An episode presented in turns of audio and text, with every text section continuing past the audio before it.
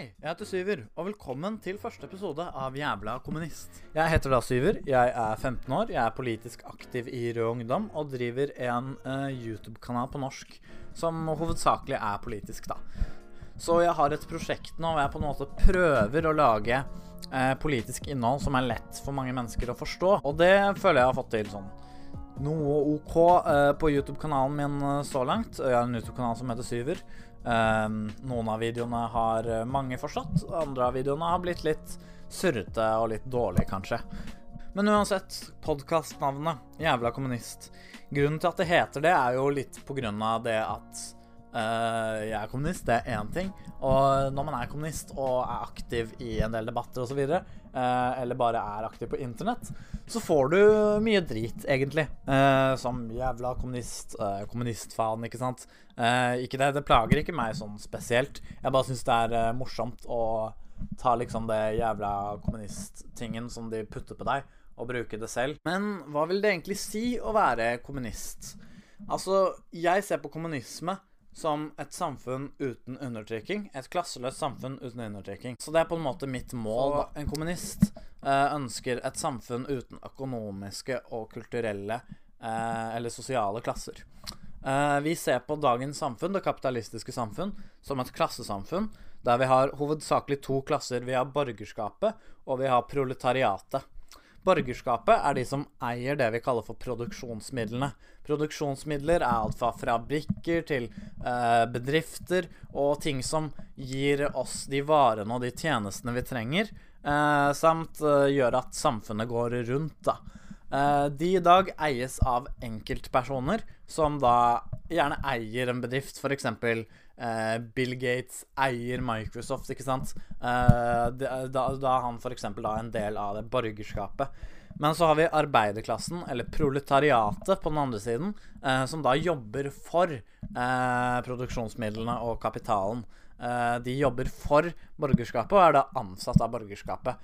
de jobber gjerne for lønn, mens de andre er Mens borgerskapet er gjerne de som disprutuerer lønn til arbeiderne sine. Bare at borgerskapet igjen er de som er helt på toppen i bedriftene og fabrikkene og de som eier de store ressursene i samfunnet. Ikke liksom bare en vanlig arbeidsgiver med arbeidsgiverrollen, da. Og vi mener at det er et problem at det er et så stort klasseskille mellom disse to klassene, eh, der arbeiderne tjener mye mindre ofte enn eh, de som er i borgerskapet, som styrer eh, produksjonsmidlene. La, la, oss se på f.eks.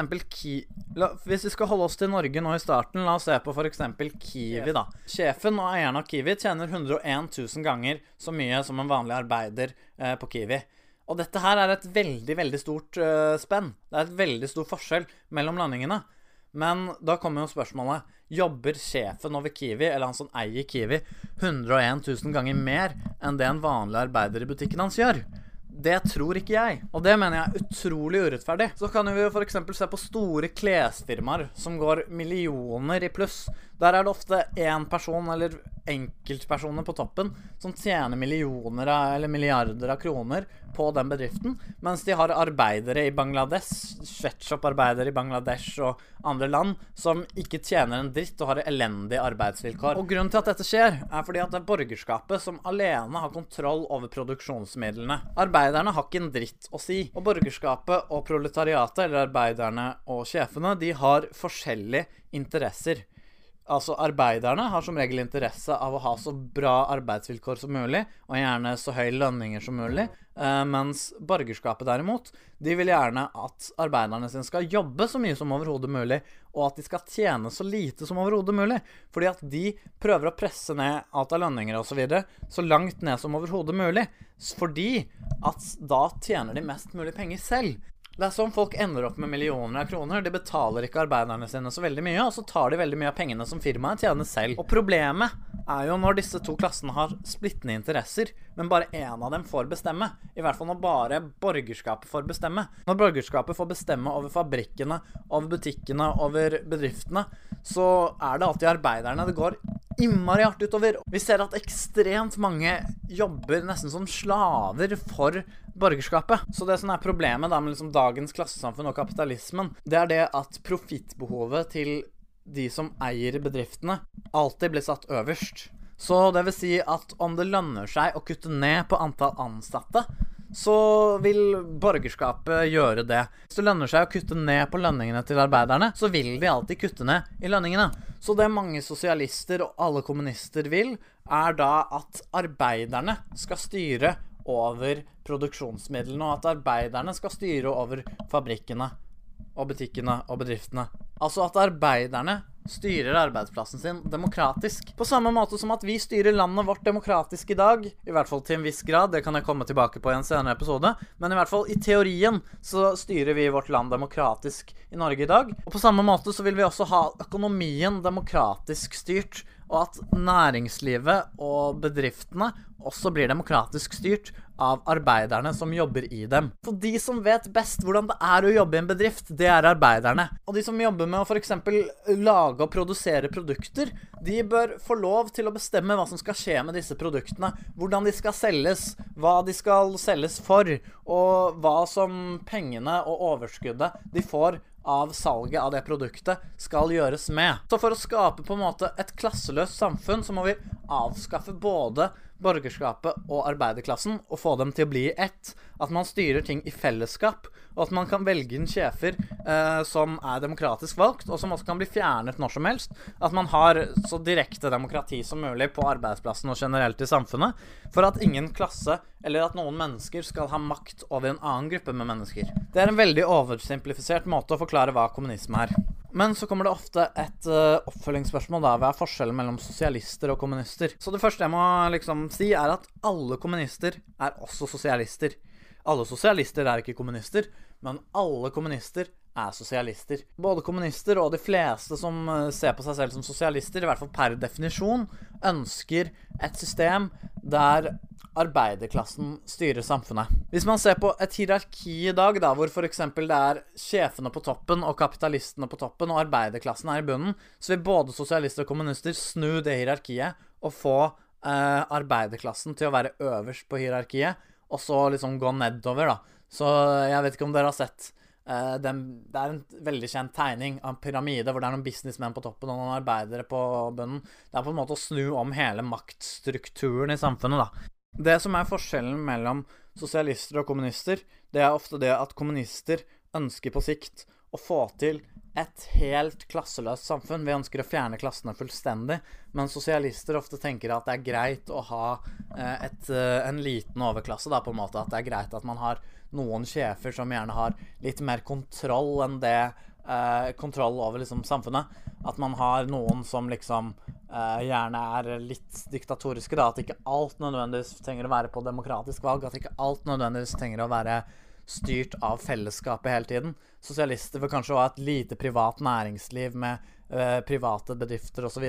Mens vi kommunister vi vil gjerne ha et samfunn der alt styres demokratisk av et fellesskap. Da misforstår mange at å, det er et, en stor stat som styrer alt. Nei, det er det ikke. For i prinsippet så er kommunisme et statsløst, klasseløst og pengeløst samfunn. Nå går jeg for dypt inn i statsløst, klasseløst og pengeløst, så vil jeg bare si at statsløst betyr ikke at vi ikke har noe å styre i det hele tatt. Det betyr bare at vi ikke har en liksom, stor stat med politi og eh, militær osv. Eh, og pengeløst betyr ikke nødvendigvis at vi ikke har noe valuta i det hele tatt, eller at vi at alle liksom tjener akkurat det samme. Det betyr bare at vi ikke har penger i den formen penger er i dag, da. Eh, og klasseløst eh, betyr at det er ingen klasse eller en gruppe med mennesker som hersker over andre mennesker. Dette er liksom det kommunistiske utopiet, men det i hvert fall kommunister liksom kjemper for, da, og har liksom som fremtidsmål, i motsetning til sosialister, er å ha et helt klasseløst samfunn. Men sosialister vil gjerne enten ha uh, et mindre klasseforskjeller, eller at um, hvis man på en måte har jobbet seg opp for det, så er det greit med klasseforskjeller. Mens vi mener at alle mennesker er like mye verdt, og at ingen mennesker i noen som helst situasjoner bør få lov å herske over andre menneskers liv. Det er vel egentlig liksom hovedforskjellene, da. Veldig enkelt forklart igjen, fordi at jeg vil Dette er veldig oversimplifisert forklart igjen, uh, men jeg skal lage en mer in depth-episode senere. Uh, gjerne med en gjest. Uh, jeg har ikke funnet ut helt hvem ennå, men jeg har i hvert fall lyst til å lage en mer sånn in depth-episode om kommunisme, som jeg vet ikke når kommer, men jeg har flere folk jeg kan kontakte så, til å være gjest i den episoden. Da går vi over til en spalte som heter Hva har skjedd? Det kan være hva som har skjedd i nyhetene, noe som er relevant, eller bare noe som har skjedd i mitt liv. Det er bare ting jeg ønsker å prate om, basically, som har skjedd i det siste. Gjerne siden forrige podkast. Så hva har skjedd i det siste? Jul. Vi har hatt jul og juleferie og romjul og hele pakka. Akkurat når jeg spiller inn dette her, så er det jo andre juledag, så det er jo fortsatt jul. Men jeg regner med at dette kommer ut eh, 1. Jeg fikk Palestina-flagg til jul. Det var faktisk ganske kult. Uh, så nå jeg, har jeg planer om å gå med Palestina-flagg uh, i 1. mai-tog mai neste år. Ikke 1. mai-år, et helt 1. mai-år. Det hadde vært et helvete for høyresiden, det. Og så fikk jeg uh, to Palestina-skjerf, så jeg, jeg, vet ikke, dette var plutselig sånn Palestina-jul. Nå begynte jeg bare å prate om hva jeg fikk. Da er ikke det litt lite kommunistisk, egentlig. men jul, ja. Det er jo en omdiskutert ting blant kommunister, for å si det mildt. Det er jo på mange måter dessverre en litt sånn overkapitalistisk høytid med mye masseproduksjon. Vi kjøper altfor mye juletider, altfor mye plastikk og engangsdrit. Altfor mye sånn billige julegaver man bare kjøper for å gi noe. Det er ikke nødvendigvis at man kjøper noe fordi man er glad i noen, eller man har lyst til å gi dem en ordentlig gave. Det er på en måte fordi det er jul, og man på en måte føler at man må gi en gave og bare liksom Kjøpe gjerne det billigste. Det er ikke så viktig at de blir glad for det eller Det viktigste er bare liksom at du får kjøpt det, da. Og at du, du, du, gir en gave, for det er liksom på en måte en plikt. Personlig så syns jeg jul er koselig. Jeg mener, eh, jeg mener, det hadde vært fint om vi fikk litt fortgang i ting. Om vi ikke trengte å være oppe til klokken tolv for å åpne gavene, og åpne én og én gave, fordi det blir veldig kjedelig etter hvert. Det er forskjellige juletradisjoner i forskjellige familier, men i vår familie så åpner vi gave for gave for gave, og det er sånn 40 gaver. Så det tar jo en god stund. Altså, ja, altså kan ikke alle bare ta én gave som er til seg? og så åpner alle gavene på likt, og så tar man en runde hvor man ser på hva hverandre har fått. Så kan man kanskje få litt eh, ekstra tid til å bare slappe av etter gaveåpningen, istedenfor at vi bruker så ekstremt mye tid på eh, å åpne gaver, og jeg blir helt trøtt av å se hvor mange sokker de andre får. Altså, det er bare sånn en ting jeg har tenkt på, da, men altså, hvis jeg tar opp det med familien Nei. Det, mm, det passer vel ikke inn i juletradisjonen, I guess. Jula er jo en fin tid for familien å samle seg, videre, I guess. Eh, hadde vært fint om man kunne prate om noe annet enn hvordan ribba smakte ved middagsbordet, men eh, I guess det er vel juletradisjon, det òg, eller noe. Så ja, jula var OK. Den var grei. Eh, jeg fikk palestinaflagg, det er jeg fornøyd med. Uh, jeg har fått dopa meg ned med julekaker og sånn, da. Det er faktisk noe som er bra med jul. Sånn. Du kan si mye om hvor kapitalistisk det er, hvor kjipt det er, men julekaker, pinnekjøtt, ribbe Altså sånn, OK, ja hadde vært litt fint om det ikke bare var julemat, sånn at vi kunne spist julekaker og ribbe hele året, egentlig. da. Altså, hvorfor ikke? Men i hvert fall, det er i hvert fall en godkjent tidspunkt å spise for mye uh, usunt. Og det liker jeg i hvert fall med jul. Det kan vi konkludere med. Noe annet som har skjedd i Jeg vil ikke si livet mitt, men uh, i det siste er at jeg har opprettet en såkalt Discord-server.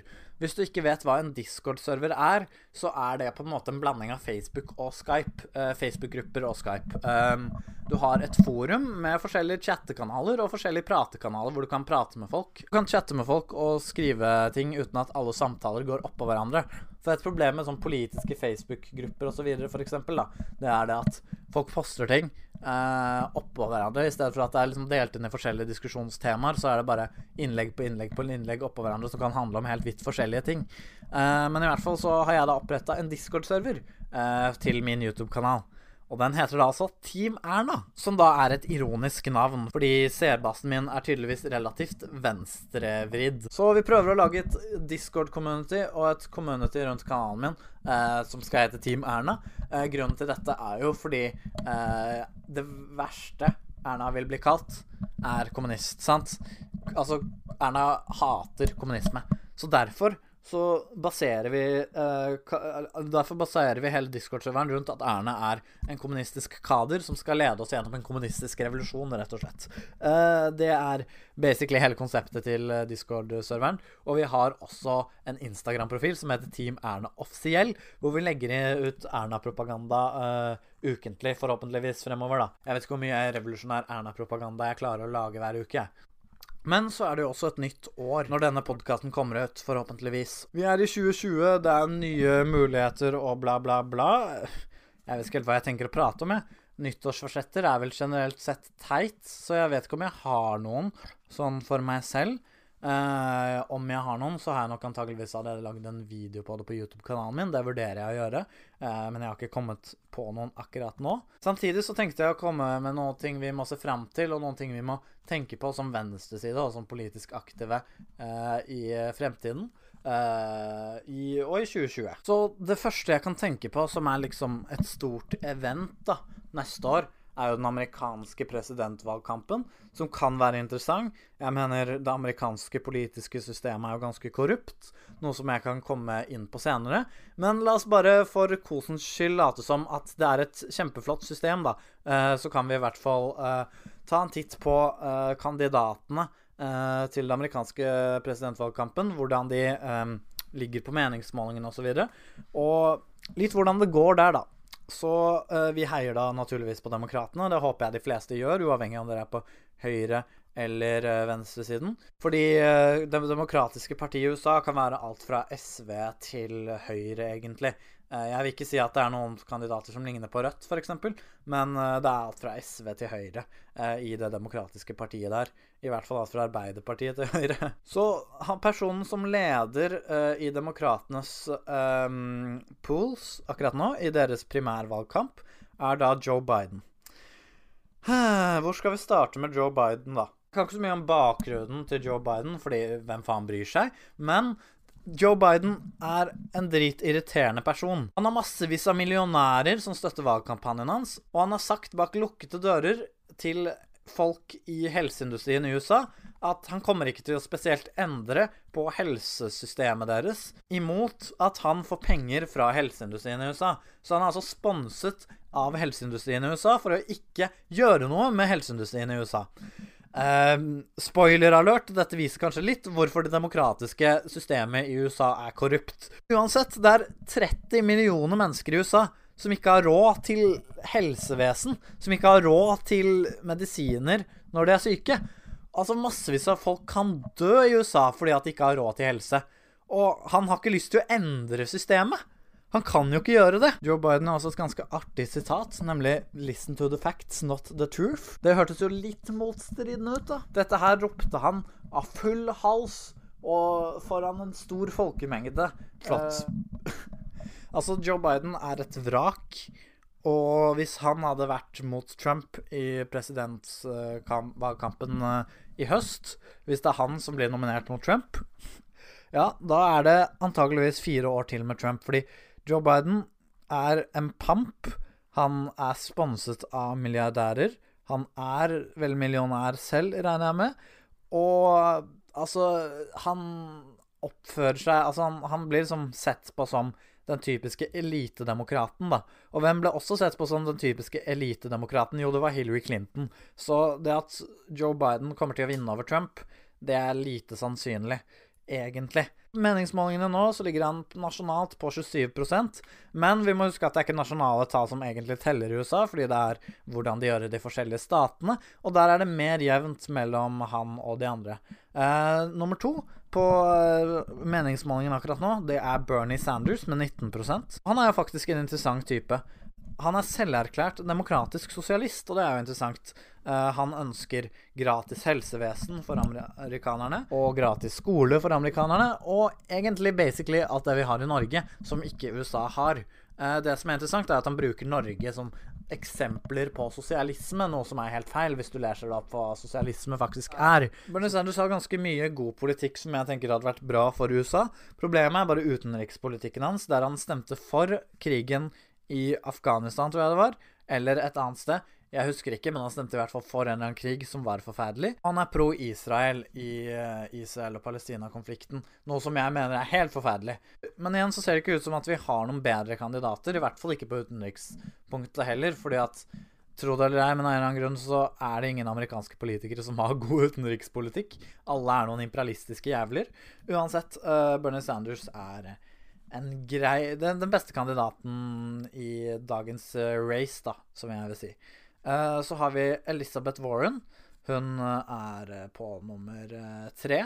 tredjeplass. Hun er på meningsmålingene rundt 16 Uh, hun er litt som Bernie Sanders i den form at hun har lyst på gratis helsevesen uh, osv. Men hvis du ser på uh, politikken hennes og de planene hun har lagt frem, og de uh, reformene hun har sagt at hun vil gjennomføre, så er ikke de så veldig effektive. Litt progressiv, sånn mellomprogressiv, litt sånn som Obama med Obamacare og sånn. Det gjør ikke helse faktisk gratis, og det fungerer ikke. De, og det fungerer ikke ideelt, men politikken fungerer sånn passe hvis du skal få litt bedre helsevesen, da. Så Elizabeth Warren er litt sånn derre du er veldig glad i Bernie Sanders sin politikk, men du hater tanken på å gjennomføre den. Det er på en måte en meme som har blitt liksom rundt Elizabeth Warren da, den siste tiden. Um, så har vi uh, På fjerdeplass så har vi en fyr som heter Pete Buttigieg. Han er på rundt 9 uh, eh, Han uh, er egentlig en veldig sær type. Han later som at han har, er progressiv, samtidig som han har massevis av millionærer som støtter kampanjen hans. Eh, og det som er interessant, er at han er mot gratis skole til alle. Fordi at han mener at det er dumt, fordi at da får rike folk også eh, gratis skolegang. Men de kan jo betale for skolen, sier han. Det som er litt tullete, er nummer én rike folk i USA går ikke på offentlig skole. Nummer to det er ikke noe krise at rike folk også får gratis skole, fordi at vi skal skatte de rike mer, sånn at vi får råd til gratis skole. Det, altså, det er liksom litt av politikken til Bernie Sanders, så det er litt morsomt at han angriper Bernie Sanders for å være for snill mot de rike. Det er ikke så mye å si om han, egentlig. Han er bare uh, Han har, er litt sånn imellom Joe Biden og Elizabeth Warren. Uh, de, mens Bernie Sanders er lenger til venstre der igjen. Og så på femteplass, som er den siste kandidaten jeg gidder å dekke, der er Michael Bloomberg. Dette er bare en millionær som har sagt at han skal stille til presidentvalgkamp for å slå Trump. Ja, for det er ingen av de andre demokratene som har lyst til å slå Trump. Nei, nei, nei. Selvfølgelig ikke. Eh, men han er en businessmann, og han har ikke noe egentlig annen politikk enn å slå Trump. Han har masse reklame overalt, som er grunnen til at han har klatret seg opp på meningsmålingene. Fordi han har bare brukt millioner av egen inntekt på eh, på eh, reklamer over egentlig hele USA. I hvert fall de nyeste early statesa som skal ha valg først, da. Så ja, han er bare en irriterende millionær, egentlig. Han har ikke noe spesifikk politikk. Um, det er egentlig de eneste folka som kan vinne. Uh, nå ser du egentlig På meningsmålingene så ser det jo mer og mer ut som at det bare er Bernie Sanders eller Joe Biden som kommer til å vinne. Um, vinne presidentnominasjonen i det hele tatt. Kanskje Elizabeth Warren har en sjanse, men sånn generelt sett så er det bare de tre som har en mulighet. Eh, det er også en annen interessant eh, person som stiller, som heter Andrew Yang. Han er bare på 3% men han er litt sånn merkelig, for han vil ha borgerlønn i USA, som vil si at alle skal få eh, et spesifikt beløp av penger av staten i USA hvert år. Men samtidig så vil han ikke ha gratis helse og sånn, så han har liksom plan for å, at folk skal få råd til helse og sånn, er å rett og slett gi dem penger, og så skal de kunne bruke hva de vil med de pengene.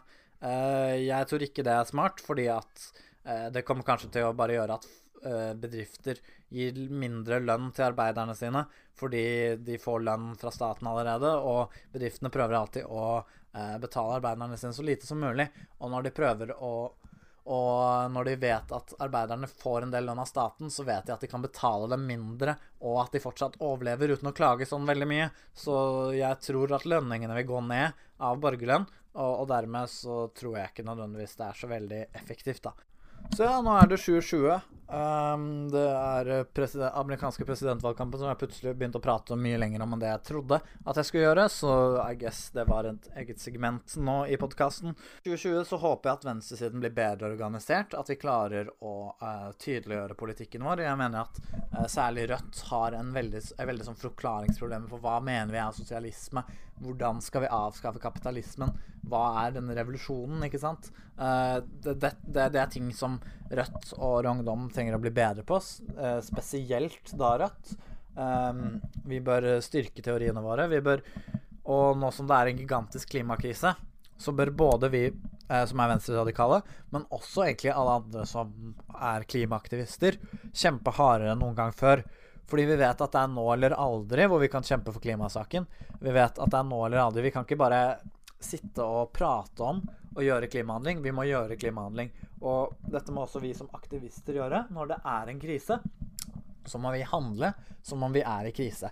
Når det er en krise som er på ligning med om det skulle vært en krig, så må vi handle som om vi var i krig. Ikke altså jeg, kaller ikke for noe væpna klimarevolusjon uten mål og mening akkurat nå. Det, det, det, det kan vi eh, prøve å ikke gjøre.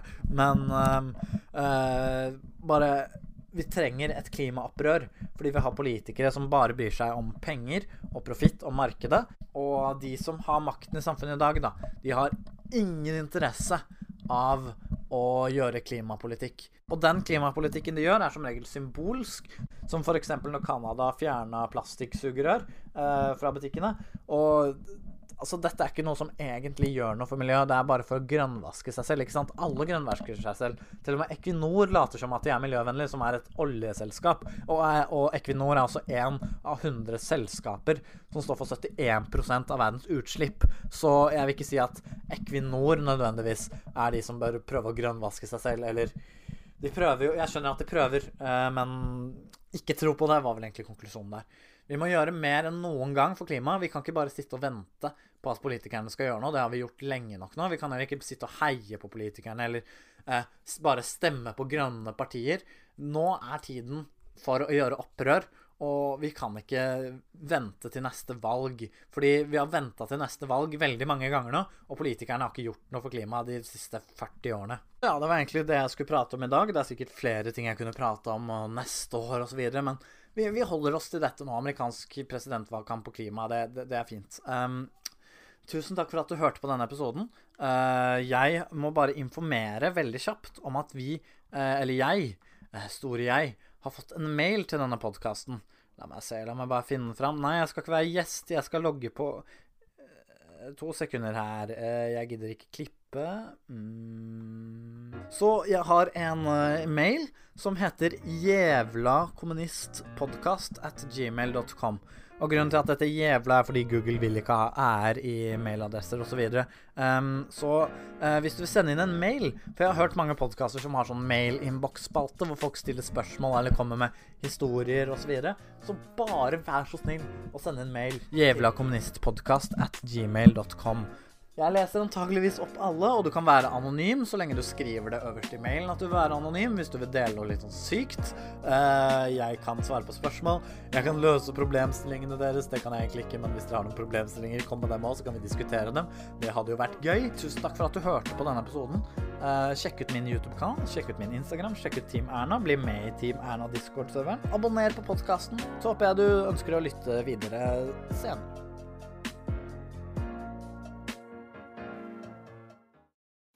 Hei, jeg heter Syver, og velkommen tilbake til Jævla kommunist. Jeg har ikke vært så aktiv når det gjelder å lage podkaster osv. Eh, det er fordi jeg har rett og slett fokusert mer på videoer og andre ting, og så har jeg ikke følt at jeg har fått til eh, å lage en ordentlig bra podkast. Eh, jeg har prøvd å spille inn podkast to-tre ganger, men ikke fått det helt til.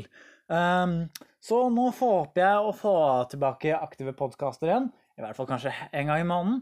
Vi får se. Jeg prøver å finne en måte å få disse podkastgreiene til å fungere for meg. Eh, så det blir spennende.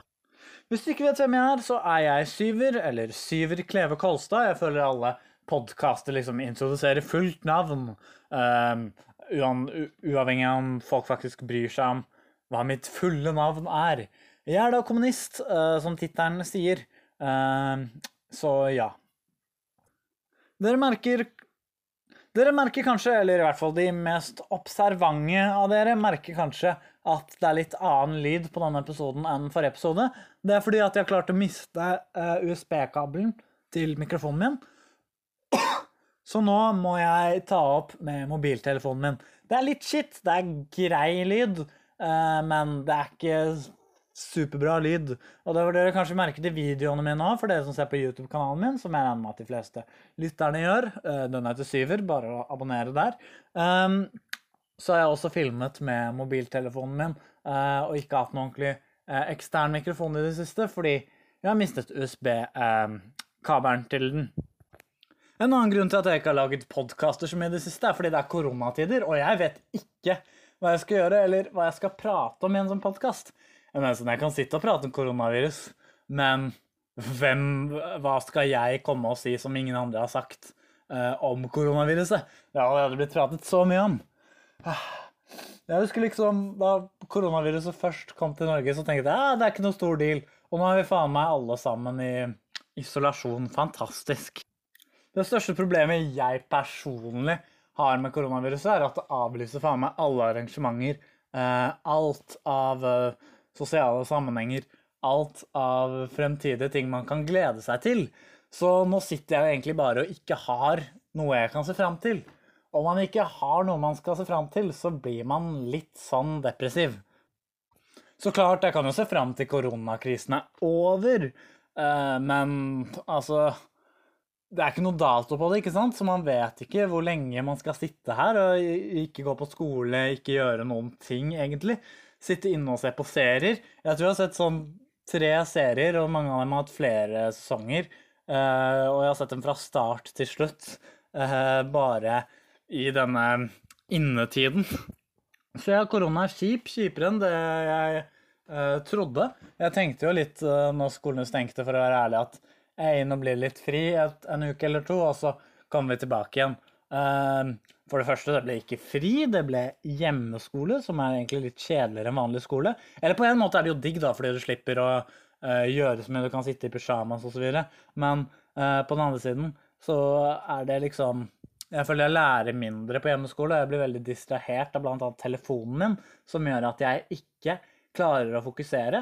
Dette er også hvorfor jeg vil ha mobilforbud i skolen, forresten. Det er fordi at når jeg har mobilen min, så klarer jeg ikke å fokusere. Punktum. Og ja, jeg er avhengig av mobilen min, og man kan si at å, men ungdom må bare bli mindre avhengig av mobilen sin.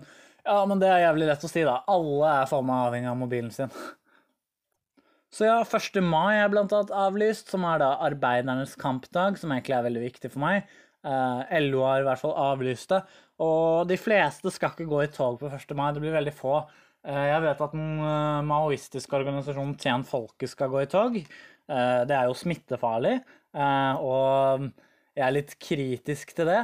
Samtidig så ser jeg jo deres poeng i at um, den økonomiske krisen som kapitalismen skaper i slike krisesituasjoner som denne, er farligere enn koronakrisen i seg selv, og at det er viktig at vi kjemper mot den. Uh, samtidig så hadde det vært ekstremt smittefarlig om la oss si at man hadde samla flere tusen folk uh, til å gå i 1. mai-tog. Så ja, Tjent Folket har bestemt seg for å gå i 1. mai-tog.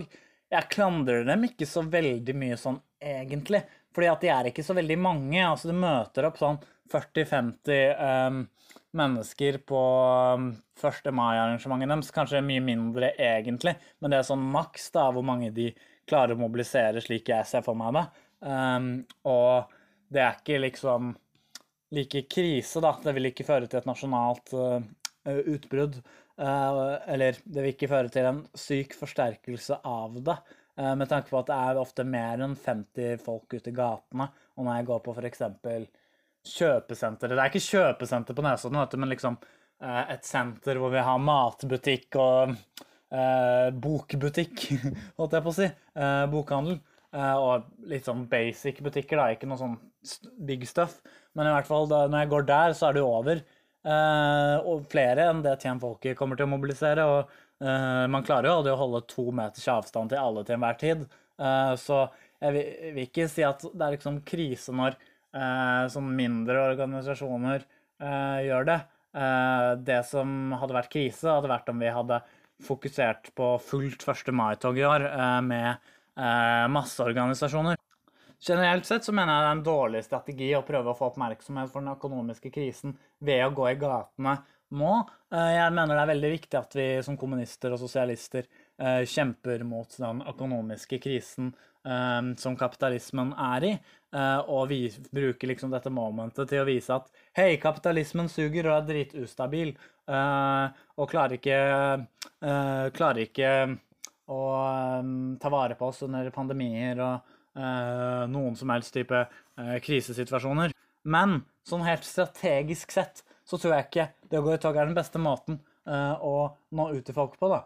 Altså Folk er veldig i frykt for dette viruset og vil bli veldig sur og blir veldig sure på um, folk som um, bryter uh, reglene osv. Uh, reglene har vel um, 72 av folket som støtter, ifølge en meningsmåling fra Klassekampen. og eh, regjeringspartiene går opp osv. fordi folk liker tiltakene deres. Eh, hytteeiere blir jo faen meg eh, uh, hata på som bare faen, uh, av god grunn, for så vidt. Um, så jeg tror ikke Jeg tror ikke det er egentlig en smart idé, selv om det er veldig viktig med antikapitalistisk kamp nå, så tror jeg man må gjøre det over nett og på å bruke andre metoder. For jeg tror ikke den andre metoden, eller den gode gamle metoden å gå i gatene og sånn, vil appellere til folk akkurat nå. Um, man vil kanskje få en satisfying feeling av å gå i tog uh, og rope, men jeg tror ikke det er det som kommer til å hjelpe oss mest nå, da.